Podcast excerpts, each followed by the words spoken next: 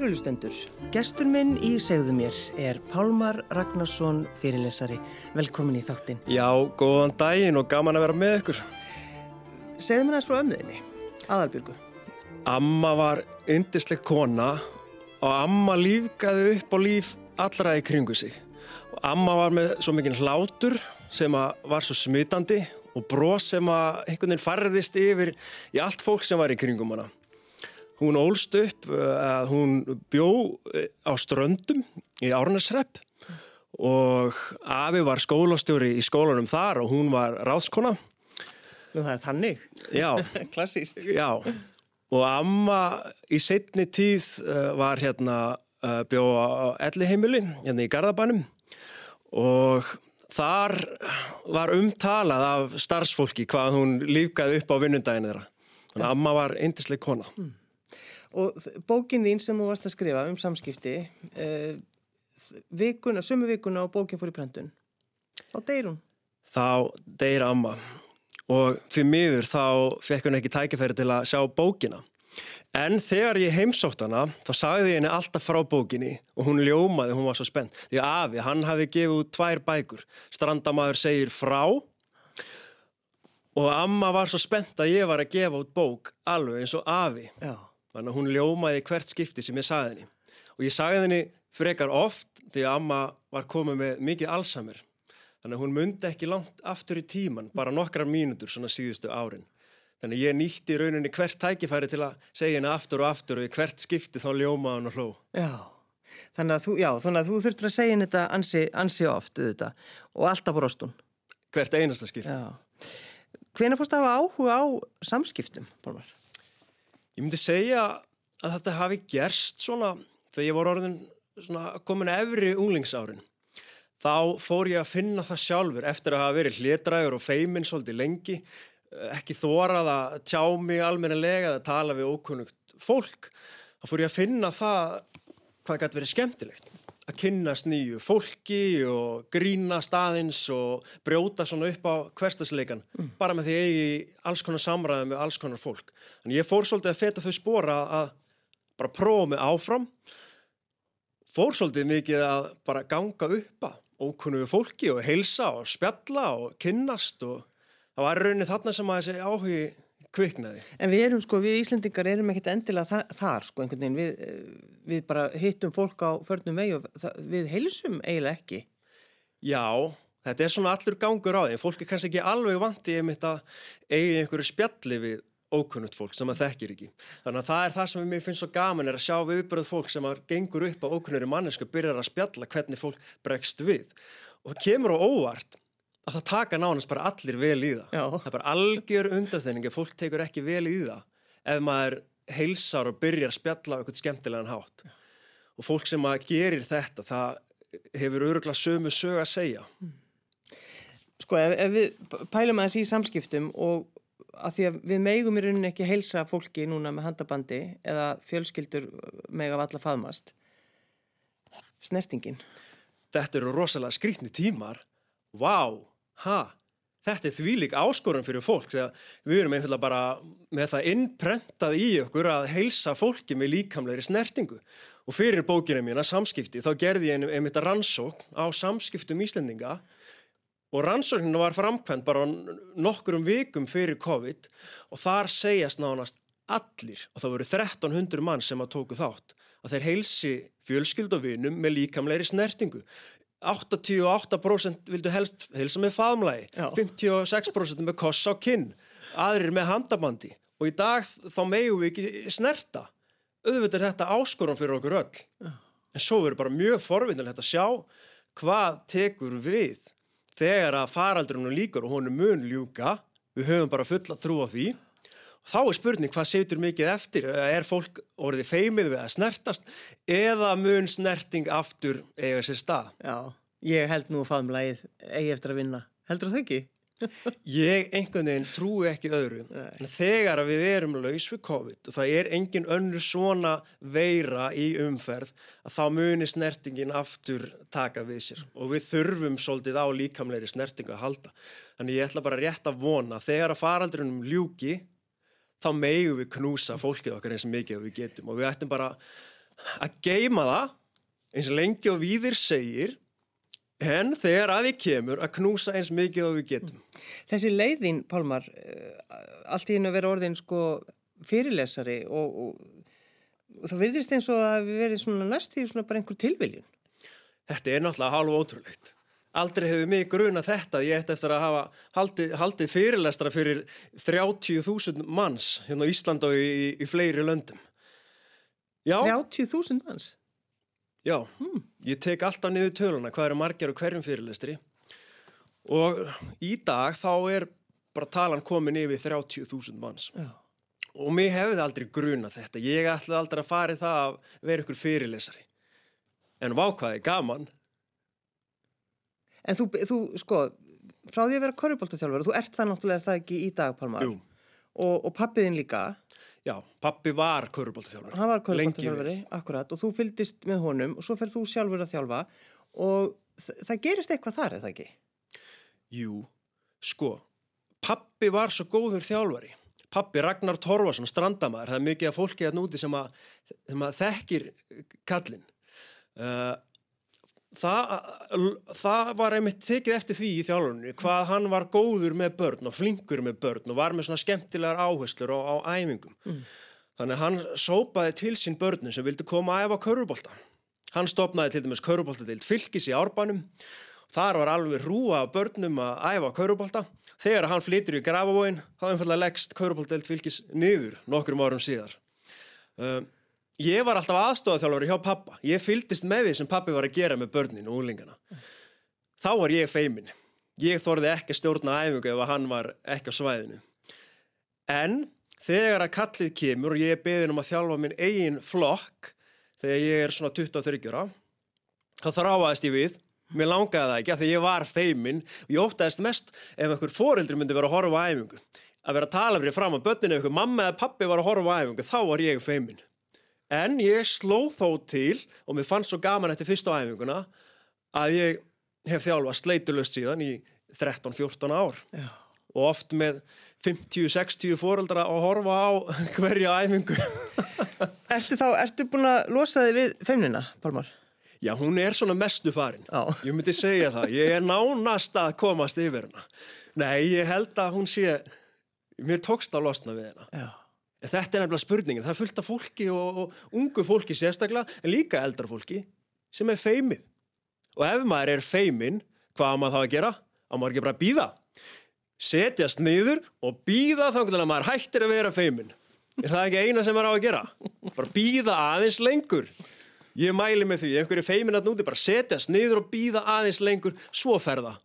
Nei, nei, nei, nei, nú er ég náttúrulega að grínast.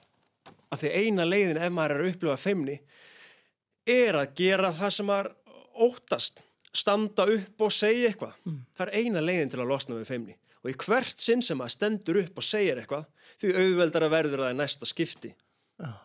En þú gerir semst eh, rannsók, Pálmar, bara á, á samskiptum í Íslendinga?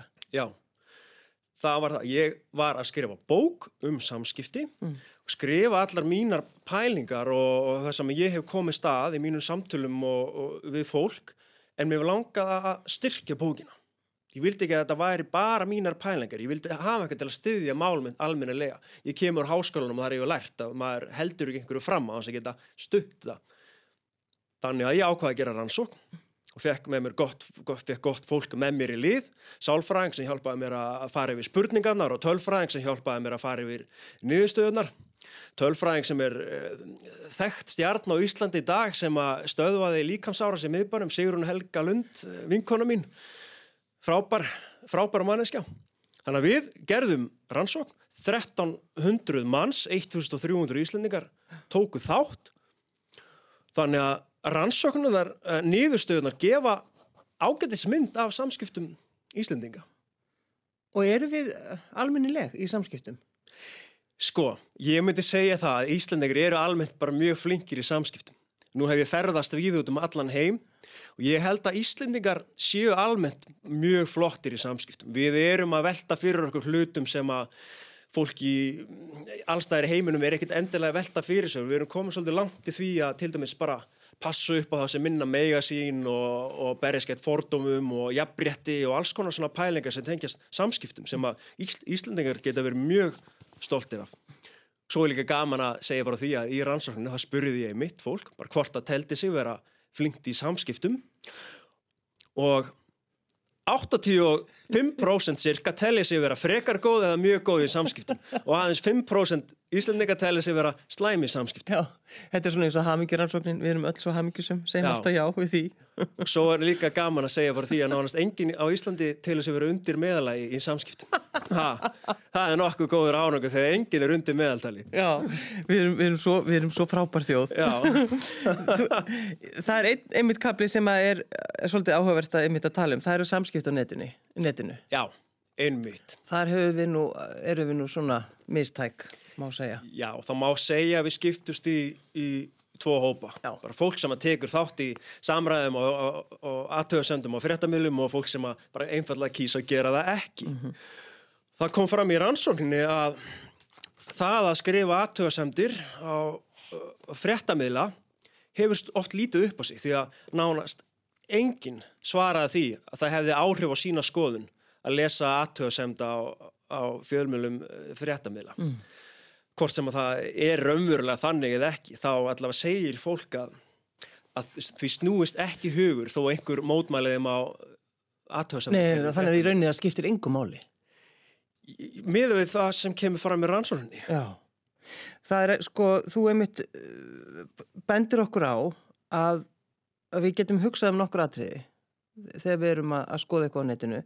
Það er til dæmis þessi hérna, þekki ég báðar hlýðarmálsins, mjög, mjög gott. Kemur mér þetta við? Einmitt, já. En það er, hérna, ég segi, áður um að skrifa aðtöðsend á fjölmila. Einmitt að velta þið fyrir sér. Eh, Er ég búin að kynna mér málið almennilega? Er ég búin að kynna mér báðar hliðar til að geta tekið góða afstöðu? Mm. Uh, get ég útskýrt mál mitt í hérna bara svona raukstutt mál mitt á góðan hátt eða er ég að fara að koma með eitthvað sleggjudóma? Því að upprópanir og sleggjudómar það er ekki fara að hafa áhrif á, á skoðun fólks. En ef maður raukstuður mál sitt almennilega og er búin að kynna sér báðar hliðar þá er kannski líklega að maður geti náð til fólks. Þannig að spörum sleggjudómana og vöndum okkur. Ef Svo- við ætlum að skrifa aðtöðsendur á internetinu. Já, og svo líka einmitt þetta sko, uh, getur verið að fjölskylda viðkomandi lesi aðtöðasendina. einmitt. Og þetta eh, er kannski ágætispunktur í, í mörgum tilfellum. Já. uh, bara að vanda sig ekki kannski, ekki vera ljót í aðtöðsendum en auðvitað eru komið upp nexlismál sem að má og er mjög gott fyrir þjóðfélag að séu rætt Það þarf að ræða hlutina. að ræða því. hlutina. En kannski ekki lját, láta út úr sér það ljótar aðtöðsendir að maður vilja ekki að fjölskyldan uh, lesi Það er sko, það er eitt kaplið mitt hérna sem að, maður líka við með að segja bara, já við, þurfum ekki að sk- fjalla um hann, það er samskipt í hópum af því við erum, þetta er þessi tími, Já, en það er sama. Einmitt. Ég held að fólk þarna úti sé svo spennt að hitta hópana sína aftur, hvort sem eru vinnufélagar, ræktarhópar, uh, saumaklubbar. Við, það er bara þannig, fólk er farið að hlakka til. Og þess vegna held ég að sé mitt fullkom að fá bókum samskipt á þessum tíma þegar að fólk er soltið útaf fyrir sig, nýta tíman, lesa bækur, gera eitthvað uppbyggilegt fyrir sjálfa sig og undirbúa sig fyrir það þegar maður kemur aftur og hittir hópana sína sem mun gerast einn daginn. Jú, jú. Pálmar, hvernig dættir huga að fara uh, til Grænlands Heyrðu, að ferðast? Sko, ég er náttúrulega ævintýramæður. Ég fer, það er brjálað að gera hjá mér á veturna, í fyrirlesturum og öðrum. Og þegar að kemur á sumrinu, þá þarf ég bara að komast í pásu og aðeins að leta á streitinu og bara komast burt. Og, og þú vilt vera einn? Já, og þá fer ég til útlanda og ferðast. Ég vel mér eitt land af því ég vil kynnast landinu almennilega. Ég vil ekki vera að hoppa á milli landa og fara þarna í viku og þarna í þrjáta. Ég vil fara í eitt land, kynnast landinu og menningunum almennilega og það er eitthvað svo fallegt við að fara lengi til eins lands af því að maður kynnist fólkinu svo vel og menningunni, mann er fyrir að þykjast vænt um landið og fólkinu sem maður hittir, það kann að meta það hvað maður er að reyna að tengjast landinu. Og ég fór, fyrsta sumari sem ég gerði þetta, þá fór ég til Mexiko í tvo mánuði, flakkaði milli uh, allstæðar í Mexiko. Næsta sumarið fór ég eitt til Kína, flakkaði milli Kína allt sumarið. Og í vetur, þá fyrirgjöðu, núna í sumar ætlaði að fara til Afriku og ætlaði að fara til Uganda nema hvað, korona kemur og það má ekki ferðast. Ég var svolítið leiður mér var búin að hlakka svo til, svo lengi. Nema hvað að bara rétt áður en ég ætlaði að fara út þá kemur fréttatilkynning fór Grænlandi. Við erum laus við COVID, Ísland er laust við COVID það má ferðast á myndi Íslands og Grænlands. Já. þannig ég stekk bara til með ekkert plan, veiti í raunin ekkert um Grænland. Og mér heyri sem Íslandingar viti bara almennt ekki mikið um Grænland. Ég kaupi bara one way ticket miða aðra leiðina flýg til núk og svo lendi ég bara í æfinturum í allt sumar. Og þú tekur með tjald? Nei, tók ekki með mér tjald en ég endaði því að fara til á eigu í Grænlandi. Svona norður Grænlandi, svona frekar afskekt eiga til að komast aðna þurfti að taka bát, svo þurfti að taka flug svona lítið innanlandsflug og þaðan þurfti að taka þyrlu til að komast í bæin og þar var enga gistingu að fá nema að rándýra 20.000 krónur nóttin sem ég var ekkert að tíma. Þannig ég fer bara í hérna, matvörubúðina þannig kaupi ódýrasta tjaldið og ódýrasta sveppokkan sem ég finn. Bara 7.000 krónur komið með tjald og sveppokka og dínu sem ég var alltaf hægt að kalla þetta dínu, þetta er meira bara svona eins og brevpokki flíg og tek þyrluna yfir á eiguna og tjálta þar í síðan nætur. Mm. dásamlegt Og hvernig eiga er þetta? Þetta er, þetta er magnaðasta eiga sem ég hef komið á. Þetta er staður sem við lifa í mínu hjarta bara það sem eftir er. Eigan heitir Umanak. Mm. Við getum skoða myndir af þessu. Og eigan bara er svona klettur og eitt fjall sem að stendur upp í lofti. Þetta er eins og í ævintura bíomynd. Mm. Þetta er raunverulegt en þetta er eins og að þetta sé að hannað í einhverju myndvinnslu. Ég gafti á fjallið fyrstu svona 8 klukkutímuna eftir að ég kom hana. Ég tjaldaði við rætur fjallsins, vaknaði einhvern einasta morgun við það að horfa á fjallið og fara í tjörnina og skóla mig hérna við hliðin á tjaldinu. Þetta var alveg magna. Út um allt þarna eru svona sleðahundar. Það eru öruglega þúsund sleðahundar þarna í bænum, fleiri sleðahundar en manneskur. Það var kallt á nótunni. Ég vaknaði klokkan fjögur fyrstu þrjára nætunar, frjósaður kulda. En það gerðist kraftaverk á eiginu umanæk. Þegar ég er að koma heim fjóruðu nóttina, skrýð inn í tjaldið og opna uh, hleran, þá er póki, stór póki inn í tjaldinu. Hvað heldur að hafi verið í pókanum? Ég veit ekki. Þykkur vetrar sveppóki og þykk dýna. Vitið sem einhver hefur gefið þér? Einhver hafi laumað sér inn í tjaldið og skilið eftir þykkan vetrasveppoka og dínu. Já, þeir hefðu áhugir af þessum skrítna útlending. Já, bara sér bara einhvern mann þarna. Já. En indislegt. Já, og ég kom staði síðar hver þetta var og ég var svo þakklatur. Nema hvað, kvöldið eftir, þá kom ég í tjaldi og þá beigði mér þar svona brúsi með heitu te og sigri og botla. Og ég fekk mér heitt te til að hlýja mér, ég var svo þakklatur. Ég fór aftur til mannsins og þakkaði hann fyrir teð og hann bara hva, hvaða te ert að tala um? Heru, þá var það bara einhver annar maður frá Grænlandi sem hafi komið með te til mín. Grænlendingar eru ótrúleir, þeir eru svo vinalegir og skemmtilegir. En hvað varstu lengi, Pálmar? Ég var í tæpa tvo mánu. En á þessari litlu eigi, Umanag? Heyrðu, ég ætlaði náttúrulega að vera hann í sjö daga, svo var ég með stífa dagskrá. Ég var með flug tilbaka í þyrlunni, flugið, af því ég var að fara að skoða svona söðunöyt ég var að fara að ferja ferð og skoða söðnót sem átti panta. Svo var ég að fara að halda fyrirlestur í bæ sem heitir Sissimút og svo fyrirlestur í bæ sem heitir Núk. Svo átti ég flug til Íslands. Þetta var alltaf að gerast síðustu fimm dagana mín í Grænlandi. Nema hvað, ég mæta á flugvöldin þarna á eiginni, ég er að færi þyrliflug, þá er mér sagt, já, heyrðu, mm, fluginu er því miður frestað. Já, ok, og hvað þýðir það? Það þýðir að þú ert ekki að fara að fljúa í dag, flugið er ekki að fara að stað. Já, En hvað þýðir það? Það þýðir það að flugin, flugvilin er ekkert að fara að fljúa. Ég bara, já, hvað með framhaldið, hvað er ég að fara að gera, Hva, hvað tekur við? Já, við ætlum að reyna aftur á miðugudaginn. Ég bara, ha, nei, býtu, ha, nei, nei, það er förstu dagur, ég er að fara að skoða söðnut, ég er að fara að halda fyrirlestra og ég er að fara að fljúa til Íslands á miðugudaginn. Já, nei, það er bara, við fljúum aftur á miðugudaginn. ég bara, ha? Þannig að ég var fastur þessari eigi, þannig að auka sex daga, vissi ekkert hvað tæki við, en sem betur fér þá tókst mér að, fress, að endurbóka flugin, fresta fyrirlesturunum og senka heimkvörnum minni til Íslands um heila viku. Já. Það rettaðist. Þetta er náttúrulega ótrúlegt. En áttu sveppbókan, tókst það með þér heim? Nei, ég skilaði sveppókanum svo. Ég tók hann bara láni. En hvernig var að halda fyrirlestra Pálmar Ragnarsson á Grænlandi? Það var ótrúlega skemmtileg. Það var, gerðist í rauninu þannig að ég ætlaði bara að ferðast. En nú hef ég haldið svo marga fyrirlestir hérna á Íslandi og svo hefur færinga tvisasunum flóið mér út til að halda fyrirlestra þar sem ég hef talað um jafnbrétti og hvernig er þetta að auka jafnbréttis hugssjónir ungra drengja með því að gefa þeim kvenkins fyrirmyndir í íþróttum og hvernig er hægt að fjölga börnum í íþróttum. Ég er mjög mikið að halda fyrirlestir hérna á Íslandi því ég er ekki að tala um samskipti, bara hvernig er hægt að fá fleiri börn til að æfa íþróttir til að hafa góð áhrif á börnin og samfélagið. Og þannig er ég komin til Grænlands að ferðast og ég hugsa, býtu, nú eru færiðingar er búin að fljúa mér út og, og retta mér hóteli og mat og rándýr pakki og nú er ég bara hérna í Grænlandi. Og grænlendingum, þeim, ég veit að þeim langar að fá fleiri börn til að æfa íþróttir. Af því að það fylgja svo góðir, góðar afleiðingar fyrir börna því að æfa íþróttir.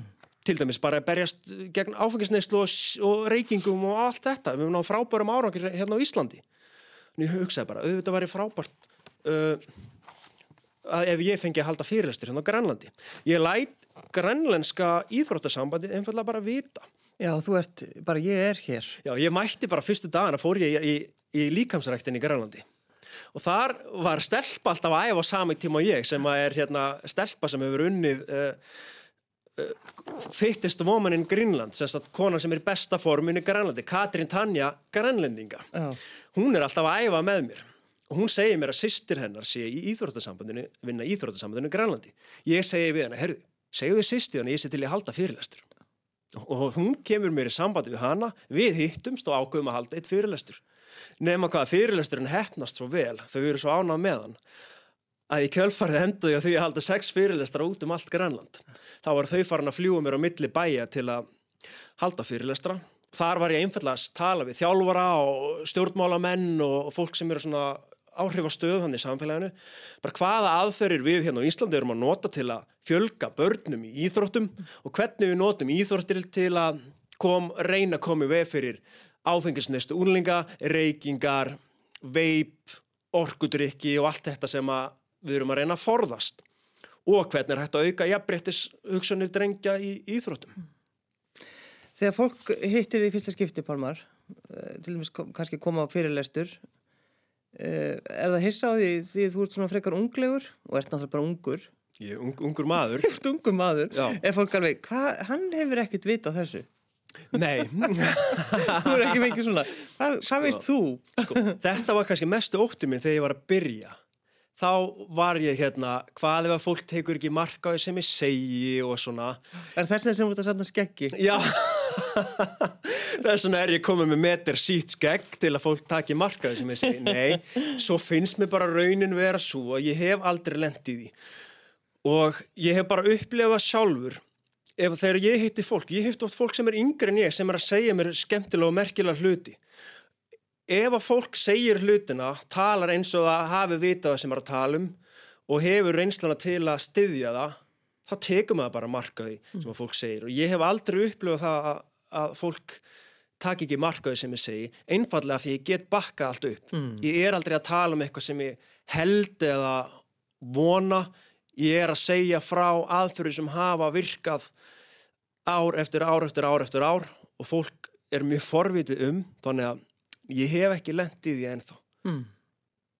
En ég get sagt það að þegar ég var að vinna til dæmis á Bugl, barn og úlengagetið landsbyttalans, þegar ég var nýskriðin úr úr sálfræðanáminu, þá var ég bara rúmlega tvítugur, þá var ég mjög, hafði ég áhyggjur af þessu. Já, Þá var ég mjög flinkur að vera með börn og úlinga, en þegar ég átti að hitta foreldra sem voru miklu eldri en ég og fara að leiðbina þeim, það fannst mér óþægilegt á þeim tíma. Þá hugsaði ég, hvað eru þau að fara að hlusta á mig? En svo sama tíma var stelpa að vinna með mér, sem var jafn gömul og ég, með sömur reynslu og allt, og hún var bara svo ákveðin, hún tók, hitti fóreldan og sagði bara þetta, þetta, þetta, þetta og allir hlustuði svo á hana, þá var ég bara, þetta snýst ekki um aldur, þetta snýst, held, þetta snýst bara um það hvernig maður ber sig. Já, já, já, og hvað maður segir. Einmitt. Já. Ef við skoðum aðeins svona samskipt einstaklinga og tölum aðeins um rós. Rós hafa góð áhrif. Svo virðist vera sem að rós einfallega hveti fólk til þess að halda áfram að standa sér vel. Ég held að það sé gott fyrir okkur hérna úti og alla sem er að hlusta, bara velta því fyrir sér. Er ég dugleg, duglegur að rósa fólkin í kringum mig? Sérstaklega núna, það er COVID, fólk er, margir eru meira einmanna núna en áður og meira útaf fyrir sig og þá getur kannski fólk orðið aðeins útendan. Getur við hugsað, er einhver hérna í kringum okkur sem ég get glatt í dag? Get ég sagt eitthvað fallegt við einhvern sem er kannski einn heima hjá sér og, og leiðist og vantar, okkur vantar þessa líkamlega snerting, okkur vantar að hitta fólki okkar. Þannig að það er mjög gott fyrir fólk að velta því aðeins fyrir sér. Gaman að sjá í rannsóknunum minni sem að ég skrifum í bókinni að hérna, flestir íslendingar telja sig vera mjög uh, frekar duglega rosa. Mm. En svo fannst mér skemmtilegt að miða við rannsóknuna, ef ég segi bara rannsóknuna eigi við um Íslendinga sem svona má kannski ekki alveg heimfara en að einhverju leiti, að þá finnst flestum þeir vera dugleira rosa en að þeir fá sjálfur. Já, Já. fá rósið. Svo fannst mér áhugavert að hérna, einmitt, svo fannst mér áhugavert að að marg, mörgum finnst þér ekki fá jafn mörg rosa þegar eiga skilið. Þannig að svo verist vera sem við getum ekkit endilega rósað of mikið, það er fólki finnst þeim oft bara eiga róskilið þannig að það er alls konar skemmtilega niðurstur svo líka bara hvernig við tökum rósi Já, það er einmitt svo áhugavert. Já, og það kom skýrt fram í rannsókninni að fólk sem hefur hátt sjálfströst bara algjörlega óaðgerinda spurningar og algjörlega sitt hverjum staðir ansvörðinni er mjög sterk og margtark fylgni fólk sem hefur hátt sjálfströst er miklu líklera til að taka mark á rósi sem það fær en fólk sem hefur látt sjálfströst og þetta er svo slæmt af því rós hjálpar til við að byggja upp sjálfströst og ef maður far rós og hendir því alltaf frá sér tekur ekki markaði þá, þá nýtist það ekki til að byggja upp sjálfströst og sjálfströst hefur svo tengsl við hamingi og allt þetta. Þannig að ef einhver að rósa ykkur sem er að hlusta hættum að kasta rósinu frá okkur hættum að fá rós en draga okkur strax niður fyrir eitthvað annað. Fólk gerir það stundum. Heru, þú stóðst alveg frábæla í dag í þessu. Já, já en ég var nú samt alveg ömulugur í þessu hinu. Veist, allt þetta hættum þessu. Ef einhver rósar okkur fyrir eitthvað ekki vera beint í það að finna eitthvað annað til að draga okkur niður fyrir. Eða gera lítið úr rósunu og enda kemur líka skýrt fram í rannsókninni að fólk er að rósa einlægt. Ég spurði einfallega, ég man ekki hvernig ég orðaði það bara, ert þú að rósa fólk út í bláin eða er eitthvað bak við rósið og náttúrulega allir segja fólk, ég rósa þegar mér finnst fólk eiga að skilið En í svona, maður mað pælur stundum í svona konunum sem eru gerðar, þú veist, eru við að svara alveg frá hjartanu, eru við að segja rétt frá? Sko, það er bara engin leið fyrir okkur að ábyrgjast það. Nei, þið getið ekkert pæltið í rauninni. Við sem erum að gera rannsóknir, eina sem að við getum, þetta er eina leiðin okkar. Já, já. Við getum ekki sendt fólki eitthvað lígapróf í kjölfari, þetta er eina leiðin. En, en ég, það er mín trú að fólk sem er að setja tíma eins og þessi rannsók, það tegur klukkutíma að svara sér rannsók. Það er enginn sem að getur tengt svörin við neitt persónulega og bara sama á við um þessa rannsókn og allar aðrar sveipaða rannsóknir. Ég hef ekki trú á öðru en að fólk sé að svara heiðarlega eins og þeim líður þá stundin. Mm. Já, já. Uh, en þá eru við með að pæli samskiptum einstaklinga og þá til dæmis uh, sko að afsaka, afsakanir Einmitt. Þetta er, svona, þetta er ákveðis kapli bókinu um afsaganir. Ég held að það sé mjög gott fyrir marga að lesa þennan kapla. Því að sumt fólk er ofgjarnt á það að afsaka sig. Afsaka allt sem maður gerir.